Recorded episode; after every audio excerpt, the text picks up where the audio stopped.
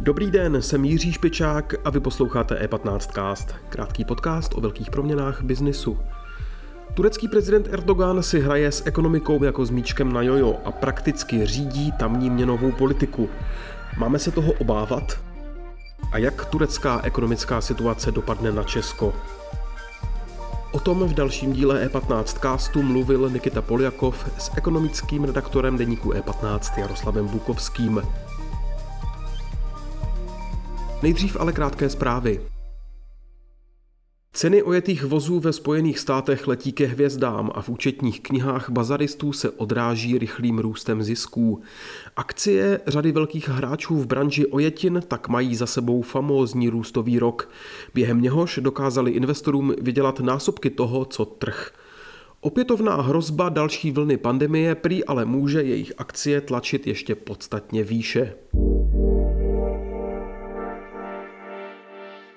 Občanští demokraté a TOP 09 chtějí, aby příští vláda rozšířila daňový paušál pro živnostníky s příjmy až do 2 milionů korun ročně.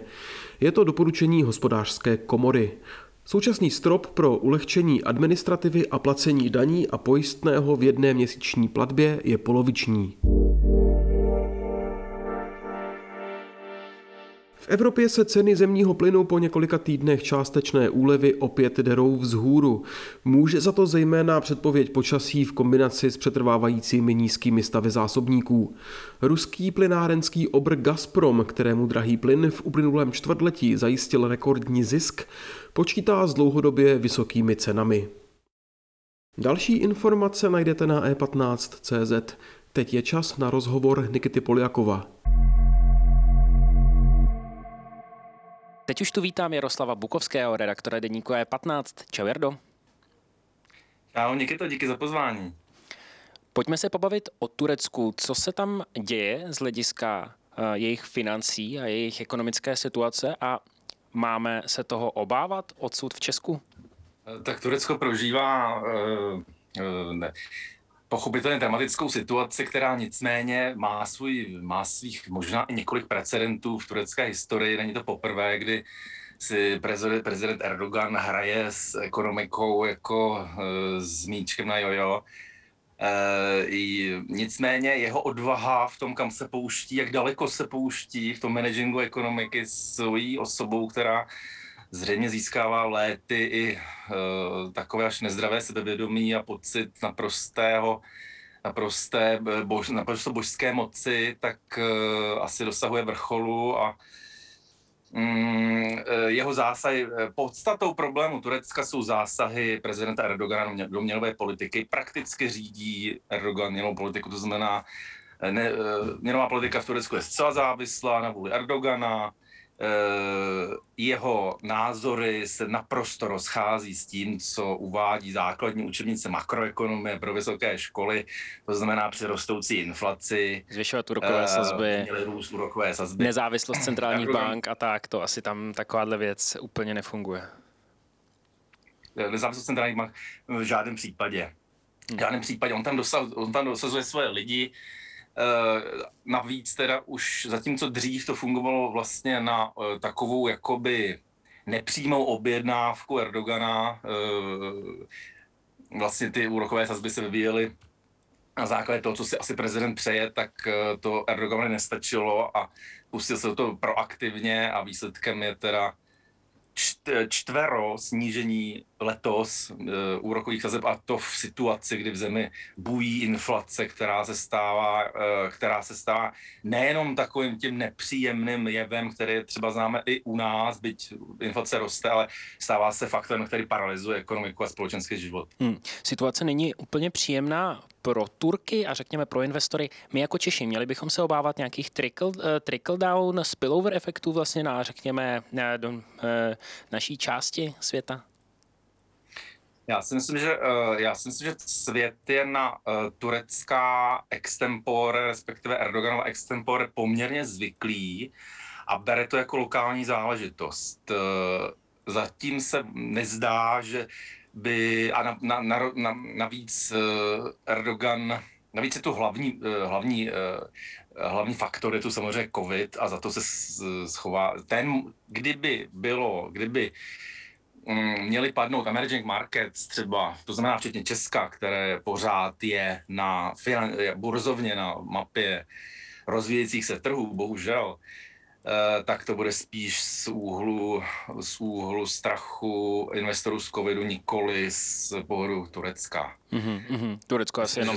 Už je dostatečně bude imunní vůči tomu, ale uh, nezdá se, i přesto, že, to, že Lira uh, propadla dramaticky, což uh, jako těch příkladů z minulosti je málo, tak uh, zatím ta krize se nepřelévá. Mm-hmm. Pojďme zpátky k investorům. Je tato země toxická pro investory v současné době?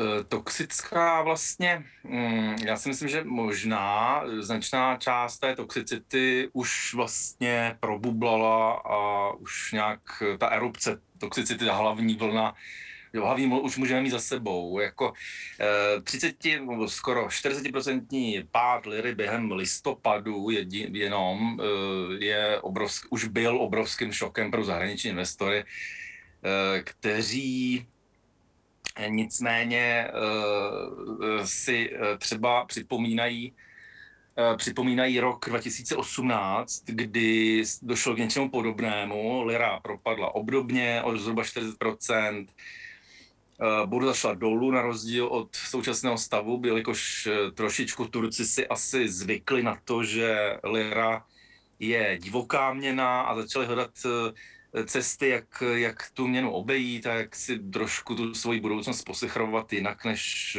přes ty turecké páky a našli uh, turecké akcie a našli třeba také kryptoměny, uh, protože třeba uh, letos už na jaře bylo Turecko zemí, kde výrazně strmě rychle rostl objem obchodu s bitcoinem.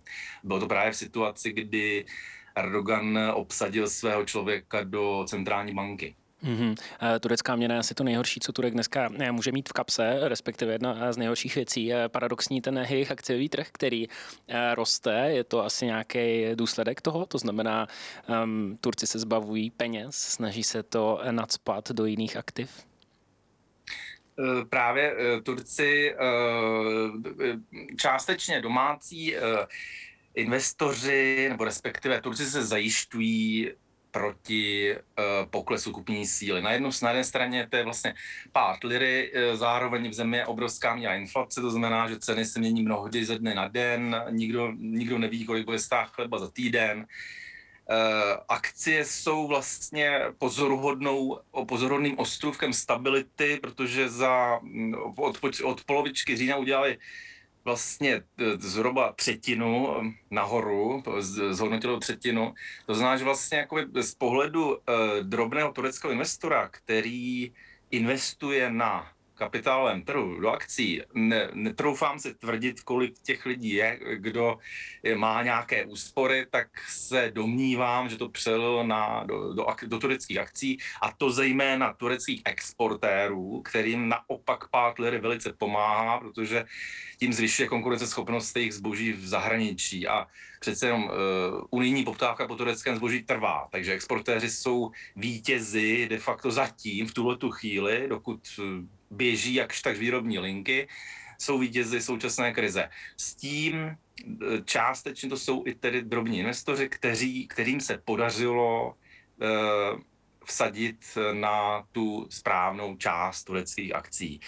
Může se stát to, že zahraničním investorům opravdu dojdou nervy eh, a definitivně zlomí na tureckém hůl. V tom případě by samozřejmě utekl ze země, výsledkem by byl nekontrolovatelný pád a pád burzy a potom už by ten konec byl asi velice krvavý. Ale myslím si, že pořád zbytky důvěry v, eh, u zahraničních investorů zůstávají. Eh, možná, že vychází z toho, že Eh, Turecko pod vládou Erdogana nebylo vždycky zemí, která by byla úplně průšvihová. Eh, Turecko má sebou super dvě dekády a eh, ne, ani i když Erdogan udělá cokoliv, tak pořád si myslím, že tam nějaké, nějaké zbytky e, důvěry a hlavně sázek na to, že ten trh se nakonec vzpamatuje, jako se to stalo v roce 2018, tak taková naděje tam pořád zůstává. Mm-hmm. Jardo, a co se bude teda dít dál, když se podíváme jako na budoucnost, řekněme, jako tureckého dluhu, jejich dluhopisů a, a